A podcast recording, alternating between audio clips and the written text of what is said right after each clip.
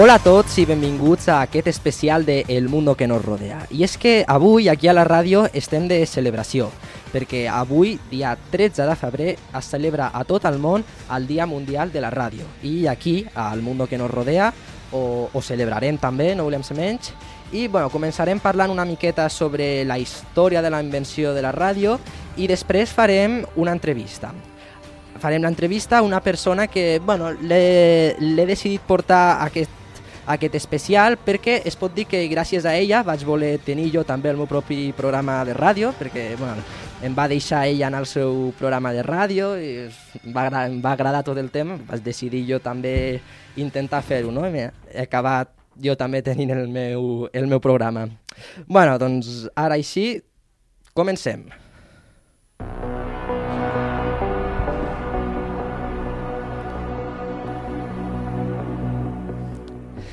Bueno, doncs, com he dit abans, començarem explicant una miqueta la història de la ràdio. La veritat és que és una mica complicat no, d'atribuir aquesta invenció a només una persona. Comencem eh, situant-nos a l'any 1865, més o menys, quan James Clerk Maxwell, sembla que ho he pronunciat bé, va, va escriure afirmant teòricament que és possible generar ondes electromagnètiques que es puguin propagar a la velocitat de, de la llum. Les ones electromagnètiques eh, funcionen de tal manera que l'emissor registra la informació que ens vol transmetre, en el cas de la ràdio doncs, pot ser la veu del, del locutor o una cançó, i aquesta, aquesta, aquesta informació es transforma en una senyal elèctrica. A continuació, l'antena transmissora converteix aquesta senyal en una ona electromagnètica que viatja a través de l'espai sense necessitat de, de cables i és quan arriba a, a les ràdios. Això va ser eh, l'inici, no? diguem, al, a, a la ràdio, de la manera de com funciona, però bueno, encara no s'havia no creat cap aparell de ràdio. Després, una, una miqueta més tard, al 1885, 86, més o menys, Heinrich Hertz va dur a terme les primeres transmissions per ràdio. I ja sobre el 1895, l'italià Guillermo Marconi va construir el primer sistema de ràdio, que, va, que només tenia un alcance d'uns 500 metres, bueno, menys d'un quilòmetre. Tot això l'italià bueno, aquest Guillermo Marconi va ser, diguem que, el, el més important, no? Però, bueno, veritablement tots van ser importants, perquè sense, sense totes aquestes persones que he mencionat anteriorment, no? lo de les zones i tal, no, no hagués sigut possible tindre la ràdio. I ara ja passaríem al 1902, quan l'espanyol Julio Cervera va aconseguir fer la primera transmissió de veu humana per ràdio, des d'Alacant de, des fins a Eivissa. Aquí he de dir que hi ha, que hi ha diverses teories, perquè hi ha gent que diu que també hi va haver un, un home de Canadà que va ser abans, no, no ho puc afirmar 100% perquè tampoc es sap, però bueno, sí que es pot dir que, el, que, la, que el, eh, aquest home, el, el, el, ai, ara no sé si era Jordi Julio, eh, Julio Cervera va, va fer la primera tra transmissió aquí a Espanya i va ser d'Alacant fins a Eivissa. No? I, I bueno, després ja al 1920 ja es van, ja es van crear els primers, els primers programes de ràdio, es va crear també la, la, la BBC, que va ser la que, la que va crear els primers programes i bueno, a partir d'aquí ja la ràdio ja va anar, es va anar estenent tot el món de la ràdio per, per tot el món, a poc a poc es van anar creant diverses cadenes cadenes, diversos programes i bueno, fins, fins a arribar a la ràdio com la coneixem a, avui en dia. Aquesta, això que us he explicat ha sigut una, una història molt breu i resumida sobre, sobre l'explicació de, de la invenció de la història de, de la ràdio. També cal afegir que l'ONU va declarar que el dia 13 de febrer se celebra el Dia de la Ràdio perquè va ser el dia en el qual es va crear la, la ràdio de les Nacions unides. No? I bueno, tot això ha sigut aquesta, aquesta introducció, aquesta espècie de, mm, bueno, de d'explicació sobre el dia sobre la invenció de la ràdio per, per aquest Dia Mundial de la Ràdio i bueno, ara ja sí, passem a, a conèixer la convidada d'avui. Ella és l'Agnès Toda i ens acompanya perquè també té, té un programa que ara ens parlarà una miqueta d'aquest programa, sobre què va i bueno, ens explicarà eh, diverses coses sobre el seu inici al món, al món de la ràdio i el que ha significat tot, tot això per ella. I bueno, com he explicat abans, l'he decidit portar perquè ella va ser la que per primera vegada, bueno, jo la primera vegada que vaig estar en un estudi de ràdio va ser gràcies a ella, no? fent una petita aportació al seu, al seu programa i bueno, vaig dir, doncs m'ha agradat molt, jo també ho vull fer i aquí estem. Benvinguda, Agnès, què tal? Eh, bé, molt bé, eh, bona tarda i enhorabona per tirar endavant el teu propi programa i per ser tan, tan creatiu. Eh? Molt moltes bé, gràcies. moltes felicitats. Bueno, doncs comença'ns parlant una miqueta perquè la gent coneixi de, el teu programa, de què va i, i com es diu. El meu programa es diu Vols venir a la meva barca? Que és un programa, un títol, per tant, que és una pregunta. Eh, aquesta pregunta surt de la cançó de Fer Camí de la Maria Mercè Marçal i, de fet, el programa naixia un 8 de març. Ara no sé dir exactament l'any, però deu fer uns 7 o 8 anys, una cosa per l'estil i, I bé, la Maria Mercè Marçal va fer aquesta pregunta la cançó de Fer Camí per tal d'afegir-se gent, que s'afegís gent a la seva causa, la causa feminista, però anava bé la pregunta per tal de, bé, doncs de sumar gent escoltar el programa, sumar gent eh, a sentir eh, informació, a escoltar eh, entrevistes eh, sobre literatura catalana, que és del que va el programa. Llavors s'encaixava tot, no? Era un, un fragment d'un poema d'una escriptora catalana i, i doncs bé, tot i que sigui una pregunta, és així estrany, potser, però doncs també és, és diferent i per tant també està bé eh, aquesta aquesta diferència no? uh, de, dels títols habituals. De fet, jo vaig proposar a la ràdio, em dir, què us sembla aquesta proposta que us faig? I em van dir, ah, doncs perfecte. Uh, I tot això realment neix a partir de, de l'Òmnium Baix Camp, la nova ràdio està uh, damunt de l'Òmnium Baix Camp, a la Raval uh, de Sant Pere número 2 i jo sóc de la Junta de l'Òmnium Baix Camp uh, la gent de la nova ràdio deia hem de fer alguna cosa conjuntament i, i bé, jo un dia a la Junta de l'Òmnium vaig mm, comunicar-ho, no? Dic que la gent de la nova ràdio diu que a veure si col·laborem i clar, dic crec que s'hauria col·laborar amb un programa de ràdio era la, la cosa més evident, no? No vaig suar massa per, per, eh, per arribar a, a, aquesta conclusió. I llavors els meus companys de la Junta em van dir, ah, sí, sí, molt bé, Agnès, doncs endavant, tira un programa de, la, de ràdio, tu endavant. I, I així va començar. El Vols venir a la meva barca i ara ja portem més de 200 programes. En, en un principi eh, era el programa era quinzenal, després eh, jo crec que va durar poc temps i ja es va fer setmanal, i, i bé, doncs anar entrevistant eh, persones, eh, escriptores sobretot, eh, en principi eh, es pretén buscar i es pretén donar veu als escriptors de les comarques del camp per donar-los més visibilitat, eh, les produccions que fan, eh, les novetats no? que, que, ens, que ens presenten, però doncs no només. No? A vegades també ens obrim a, a més enllà si, si trobem que hi, ha alguna cosa que, eh, que pot ser interessant perquè es presenta per aquí o perquè bé, senzillament ens ve de gust i a vegades també eh, s'ha fet eh, entrevistes o he fet entrevistes a, a persones de la cultura en general, de la cultura catalana en general, no, no cal que siguin escriptors, no? Si hi havia algun aspecte rellevant que mm, trobava interessant, doncs això. El programa suposo que com és mm, normal, al llarg de la trajectòria ha anat canviant una miqueta en els formats, eh, ara com ara l'entrevista ocupa la major part del programa, abans no era ben bé així, abans eh, hi havia com una part introductòria molt més gran i després hi havia l'entrevista, també hi ha hagut moments en què s'ha llegit sempre que s'entrevistava algun escriptor un fragment de l'obra, eh, però després, si més no, aquest és el moment actual, s'ha vist que el que potser és més interessant és donar veu a l'escriptor, perquè en el fons eh, mitja hora de programa, que és el que dura, eh, tampoc no dona no dona per massa, no? I, eh, i, i per tant, si l'entrevista abans era només de mig programa, un quart d'hora encara donava per menys.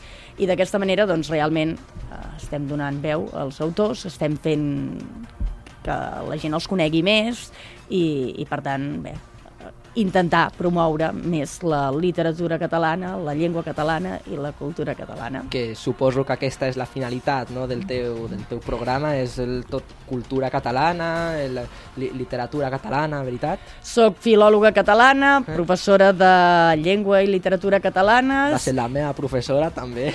I per això el Daniel parla, parla també en català. Eh, i, i, el, I aleshores, clar, no, des de l'Òmnium també el que es eh, buscava era això, no? era una cosa que donés sentit al, al que, era, el que és l'Òmnium, no? llengua, cultura, país, i per tant tot encaixava d'aquesta manera. També dins mateix de, de la ràdio, perquè clar, eh, havia de ser un programa que no existís. Si em posava a fer les notícies m'haurien dit, Agnès, això ja hi ha uns periodistes Algú que ho creatiu, fan. veritat. Eh? Perquè bé, això és l'altre, no? És una miqueta, el meu programa és com el teu, eh? que jo no treballo a la ràdio, jo col·laboro amb la ràdio i doncs ara cada setmana em desplaço a la ràdio per fer el programa. Hi ha hagut moments que he intentat... Eh, perquè clar, es grava el programa i després s'emet, doncs he intentat eh, en una setmana gravar més d'un programa, i és una cosa que també està força bé, però això eh, a vegades costa perquè quedar amb la gent i que Clar, perquè- les hores quadrin. Eh, bé, abans ho comentàvem, eh, sí, Daniel? ho comentàvem fora de, de, De de, l'estudi, de, de Mm. micròfon, que, que a l'hora de, clar, quan fas un programa que no, que no depèn només de, de, de, de tu, sinó que depèn d'un convidat, en el meu cas algú que em, que em porti, doncs quadrar tots els, els horaris pot arribar a ser una mica complicat, veritat? Però bueno, si amb Doncs- bona organització s'a- s'aconsegueix. Sí, sí, sempre s'aconsegueix que hi hagi programes setmanalment, no? però a l'hora de- d'intentar aconseguir que gravar més d'un programa seguit, llavors és quan ja potser la cosa es complica, perquè bé, la, la ràdio té molta vida i després d'un va l'altre i intentar tenir més marge a vegades eh, costa. Molt bé, doncs mira, ara eh, et deixaré que et facis una miqueta de publicitat, tu també, del teu programa. Digue'ns quan podem escoltar-te i el, el vols venir a la meva barca i, i on també. Bé, una miqueta és com el teu programa, eh? que en el fons s'acaba penjant eh, mm, en un podcast i per tant es pot, Web, el, es pot escoltar- de podcast. es pot escoltar quan, eh, quan es vulgui, a partir de que hi hagi el, mm, el podcast. Eh, per tant, posant el cercador eh, Vols venir a la meva barca i si només poses això segur que et surt el poema de, de Fer Camí, la cançó de Fer Camí, perdó, de la Maria Mercè Marçal. Però aleshores, doncs, vols venir a la meva barca més la nova ràdio, o més Agnès Toda, eh? i llavors sí que ja eh, fas cap als, eh, als podcasts del programa. La ràdio eh, és la nova ràdio. Eh, la nova ràdio abans es podia escoltar per la freqüència modulada, avui en dia no. Aleshores és tot en línia. Eh, quan apareix el programa en, en primera ocasió eh, per la, per, en línia eh, és els dijous a les 8 del vespre i després apareix també en segona ocasió els dissabtes a les 10 del matí. Aquests són els eh, moments en què si poses la nova ràdio en línia, eh? la nova ràdio.cat, em sembla que és, no sé si ho dic malament ara, eh, aleshores doncs es pot escoltar eh, a través de les zones eh, el, el programa aquest, vols venir a la meva barca. Però si no, això a través del podcast, eh, quan es vulgui. Per internet, com, bueno, ara, a, avui en dia em sembla que tots els programes de ràdio que es fan queden gravats a, a, a internet, perquè clar, de vegades escoltar-los o retransmitir-los en, en directe per la ràdio pot arribar a ser una mica complicat, tot queda en, en, en línia i qualsevol programa que vulguis escoltar ho pots escoltar perfectament en línia, no? Ara s'han distribuït, comercialitzat molt les plataformes de, de podcast i de ràdio, i bueno, doncs, eh, pots escoltar molt fàcilment. Això vol dir que no cal que estiguis pendent el dia aquest, no, que jo deia, el dijous a les 8 del vespre, si tens mil altres coses millor a fer, doncs cap problema. I després, si t'interessa, perquè vols eh, saber què diu aquell escriptor o aquella escriptora, o aquella persona, eh, doncs bé, ho escoltes eh, tranquil·lament quan tu vols i a més doncs, ho pots anar escoltant a estones. O sigui que més fàcil ja, impossible. Molt bé, doncs ara que ja coneixem el, el Vols venir a la meva barca, el teu el programa que tu fas, eh, m'agradaria saber també si a part d'això, de, del, del, del Vols venir a la meva barca, que sembla és el teu programa principal, no? Eh, has fet o fas alguna altra altra aportació a la, a la ràdio, en algun altre programa, en alguna col·laboració? Bé, jo vaig començar a, a la ràdio, diguéssim, a través d'una ràdio pirata que teníem a Montroig del Camp, que és el meu poble, i les meves amigues i jo portàvem un programa més o menys quan teníem la teva edat, o sigui que fa la tira, um, portàvem un programa que aleshores hi havia el boom del rock català i doncs portàvem un programa de rock català i era això, els diumenges, després de dinar, jo me'n recordo que em venien a buscar unes amigues que vivien al costat de casa per anar cap a la ràdio, i, i jo encara, normalment encara havia de començar a dinar i per tant hi feia cap quan, quan podia. Però aleshores eh, anàvem posant eh, cançons que en aquell moment jo recordo que nosaltres ens apassionava molt eh, una cançó que es diu T'estimo, de Nats, que era un, eh, precisament un grup local també, un grup de Montroig i, i bé, i habitualment aquella cançó la posàvem en cada programa fins que algú que devia estar cansat ja que fóssim tan repetitives va amagar, va amagar el, el disc. Eh, però bé, més enllà de, de Nats i de T'estimo, de Nats, eh, posàvem d'altres cançons i ens ho passàvem pipa. Eh, amb aquella ràdio és que, teníem un local de l'Associació la, de, de Joves i, i allí passàvem moltes hores i com que més teníem aquesta ràdio pirata, doncs, evidentment, tots eh, passàvem per la ràdio i tots fèiem el nostre programa. Després, amb el temps, eh, he col·laborat com a tertuliana eh, precisament a la ràdio d'abans de, de la nova ràdio, que és a Punt 6 Ràdio, Punt 6 Camp, eh, col·laborava allí com a, això, mm, com a tertuliana per intentar donar la meva opinió, eh, que a mi em feia molta gràcia perquè hi va haver una època que treballava al País Basc i, i bé, i llavors doncs em trucaven al País Basc per tal de, de donar el meu parer sobre coses de, de Reus i, i bé, doncs feia gràcia que m'estiguessin trucant tan lluny. Eh, en qualsevol cas, ara, en aquests moments, a part de tenir aquest programa, el meu programa, no?, entre cometes, eh, el Vols venir a la meva barca, col·laboro també en un programa de la xarxa i a la xarxa doncs, també... Participa a aquesta ràdio també, Ràdio Ciutat de, de, de Tarragona. Exacte, i, i, mm, i, I aquest, altres. I aquest programa és, eh, sí, participen diferents ràdios de les comarques del camp, no? entre les quals Ràdio Ciutat de Tarragona i per tant la nova ràdio i d'altres ràdios i i jo participo en aquest programa que hi ha a la tarda, que es diu Carrer Major, cada 15 dies, i parlo, com no, de, de llengua. De Això, teu. Sí, del meu àmbit. Intentem parlar de llengua, però a mi jo estic especialment contenta perquè parlar de llengua, i més tu, que m'has tingut com a professora, pot ser una miqueta avorrit. I intentem parlar de llengua d'una manera distesa, d'una manera divertida, que vam fent un joc i, bé, i crec que i aconseguim eh, donar un gir a la visió que es pot tenir de, de la llengua, així com no? una cosa més, això, més avorrida, més pesada, eh, i, i bé, ens ho passem bé i crec que com que ens ho passem bé nosaltres també fem que la gent que escolti el programa s'ho passi bé. Això és eh, una intervenció cada 15 dies, els dimarts a les 5 de la tarda. Crec que el dimarts vinent no toca, toca, per tant, el dimarts de la setmana vinent, no l'altre si voleu escoltar, ja ho sabeu. Doncs molt bé, eh, ja, ja procurarem d'escoltar. De, ja vaig escoltar també alguna, alguna aportació que vas fer, però no sé si parlaves de llengua, però de la manera, comentaves, més divertida possible, no? que jo crec que el, que el fundamental per la ràdio és perquè es, eh, es diverteixi la persona que t'escolta, a l'altre costat t'has de divertir tu també, no? fent, fent, fent la ràdio, però sí? Sí, sí, clar, és, eh, si tu t'ho estàs passant bé, jo penso això precisament, no? en el meu programa que entrevisto escriptors, això els escriptors t'ho diuen, no? diuen, jo m'ho he passat pipa escrivint, I, i habitualment eh, els lectors no? això ho perceben perceben eh, que, que, que estàs de bon rotllo, com un professor, no? Si un professor està de mal rotllo, arriba a classe està enfadat, això es percep. Doncs eh, jo crec que això acaba passant en totes les esferes, no? Un escriptor, si, si, es, si quan ha escrit allò s'ho ha passat de conya, doncs és una cosa que acaba transmetent. I, i per tant a la ràdio encara més, no? La ràdio que, bé, que tot com és més perceptible perquè no hi ha imatge, el que hi ha és, és so, aleshores si tu t'ho estàs passant bé i, i t'estàs divertint i estàs rient i, bé, i parlant d'una manera eh, amena, eh, va, eh, poc seriosa, tot i que això no vulgui dir que el que estiguis dient no sigui seriós, no? Sí. només que ho estàs tractant d'una altra manera.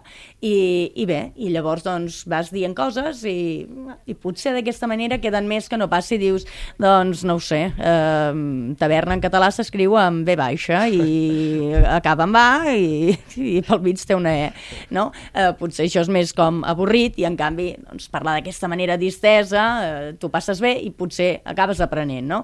No sé, l'últim dia, per exemple, parlàvem de, que tampoc no és excessivament propi de la llengua catalana, però parlàvem de les coses que ens han deixat els vikings a la llengua, o com en, o que siguem conscients de coses que ens han arribat a través dels vikings, no? com per exemple eh, la dominació Islàndia, la dominació Grenlàndia, però després també eh, coses com per exemple lluna de mel o com valdre un ull de la cara, o, eh, eh, segurament no ho sabem, i no existeix només en català, també existeix en d'altres llengües, evidentment.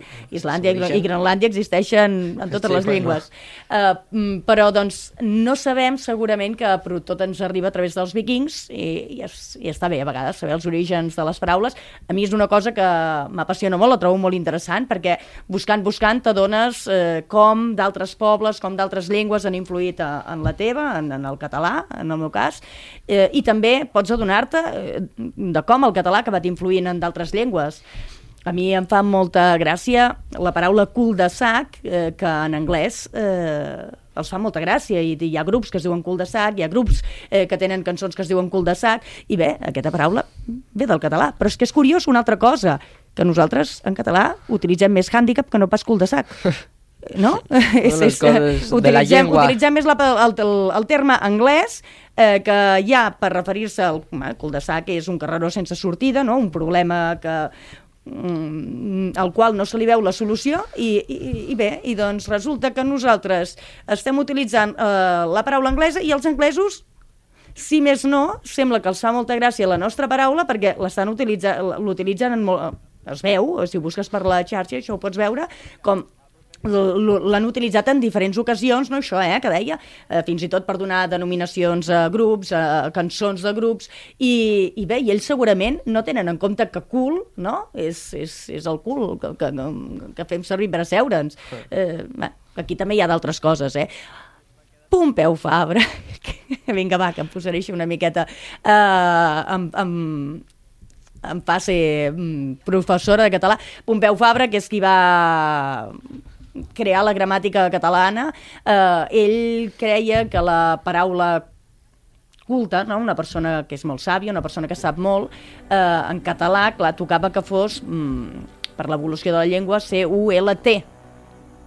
I per tant, una persona sàvia era una persona cool perquè la T no sona, no? en català, la LT només sona la L, i va dir que això no podia ser perquè no quedava, no quedava seriós i aleshores eh, va, va dir que havia de ser culta. I en canvi avui en dia precisament ens arriba a través de l'anglès la paraula cool, eh? i la gent intenta ser cool, no? guai, i, i doncs eh, al final sembla que, que tot eh, acaba allà on havia d'acabar, tot i que Pompeu Fabra va intentar evitar-ho.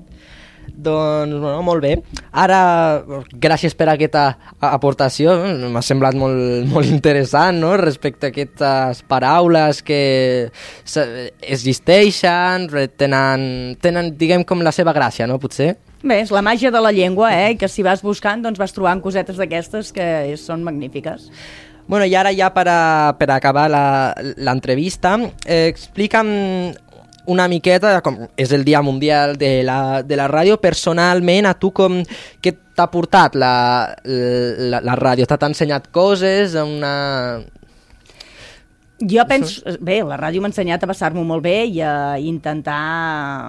Bé, utilitzar, no? fer servir la ràdio per visibilitzar segons quines coses, no? com per exemple eh, les dones sobretot, no? eh, jo que precisament en el programa Vols venir a la meva barca agafo, eh, com he dit abans, no? eh, el vers d'un poema eh, que és molt feminista, doncs donar visibilitat a, a les dones i jo crec molt en el poder de la ràdio, en algunes ocasions ho he dit, no? Eh, en català en principi nosaltres dèiem bon dia sempre, bon dia tot el dia, Uh, però per culpa de la ràdio es va acabar introduint uh, el bona tarda, que ve del buenas tardes del castellà. Aleshores, uh, els mitjans de comunicació poden fer molt, a vegades a favor i a vegades en contra del que, del que un desitgi o del que un li agradi o del que un pensi, però, però sí que tenen molt de poder i a, i a mi el que mm, m'ha ensenyat la ràdio és això, no? és, és que la ràdio és, és una bona manera d'intentar eh, traslladar informació, informació que a vegades potser la gent no, no l'acaba de tenir no o no l'acaba de tenir prou clara i, i doncs això eh, és un espai eh, ideal per, en aquest sentit. El que passa que, clar, que evidentment eh, avui en dia que hi ha tanta informació eh, que pots trobar eh, informació de tot tipus, o sigui, de tot tipus em refereixo tant a favor com en contra de qualsevol cosa, llavors s'ha de vigilar molt, no? Eh, S'intenta fer coses eh, correctes, però a vegades també hi ha les persones que ho estan utilitzant per eh, treure'n un profit eh, que no seria del tot lícit.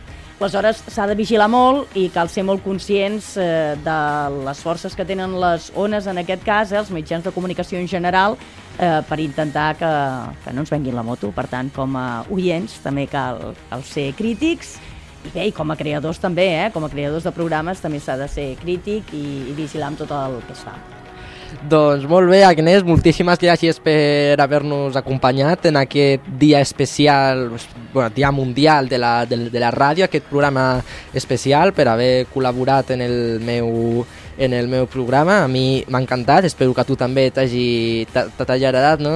l'experiència de sortir una mica de lo que és el teu àmbit del vols venir a la meva barca, les aportacions aquí que fas, una mica canviar l'estudi, no?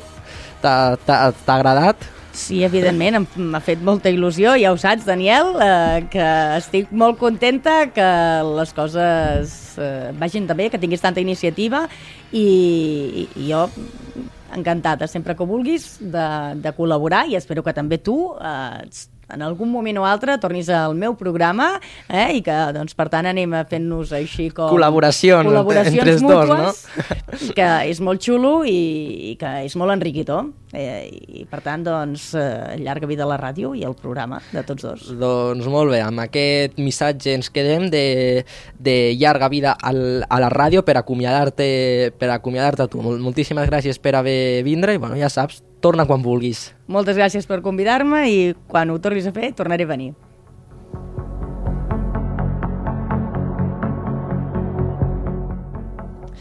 I fins aquí arriba l'episodi especial d'avui. Espero que, que, us ha, que us hagi agradat aquest episodi especial sobre el Dia Mundial de la Ràdio, no? una mica potser diferent a lo que, a lo que solem fer i parlar aquí en aquest, en aquest programa del Mundo que nos rodea, però de vegades va, va bé no? canviar una miqueta de la, de la rutina i bueno, ara ja sí que ens acomiadem desitjant-vos a tots els que ens escolteu un feliç dia de de la ràdio i que us vull dir que mai deixeu d'escoltar la, la, la ràdio perquè amb la ràdio podeu descobrir coses meravelloses.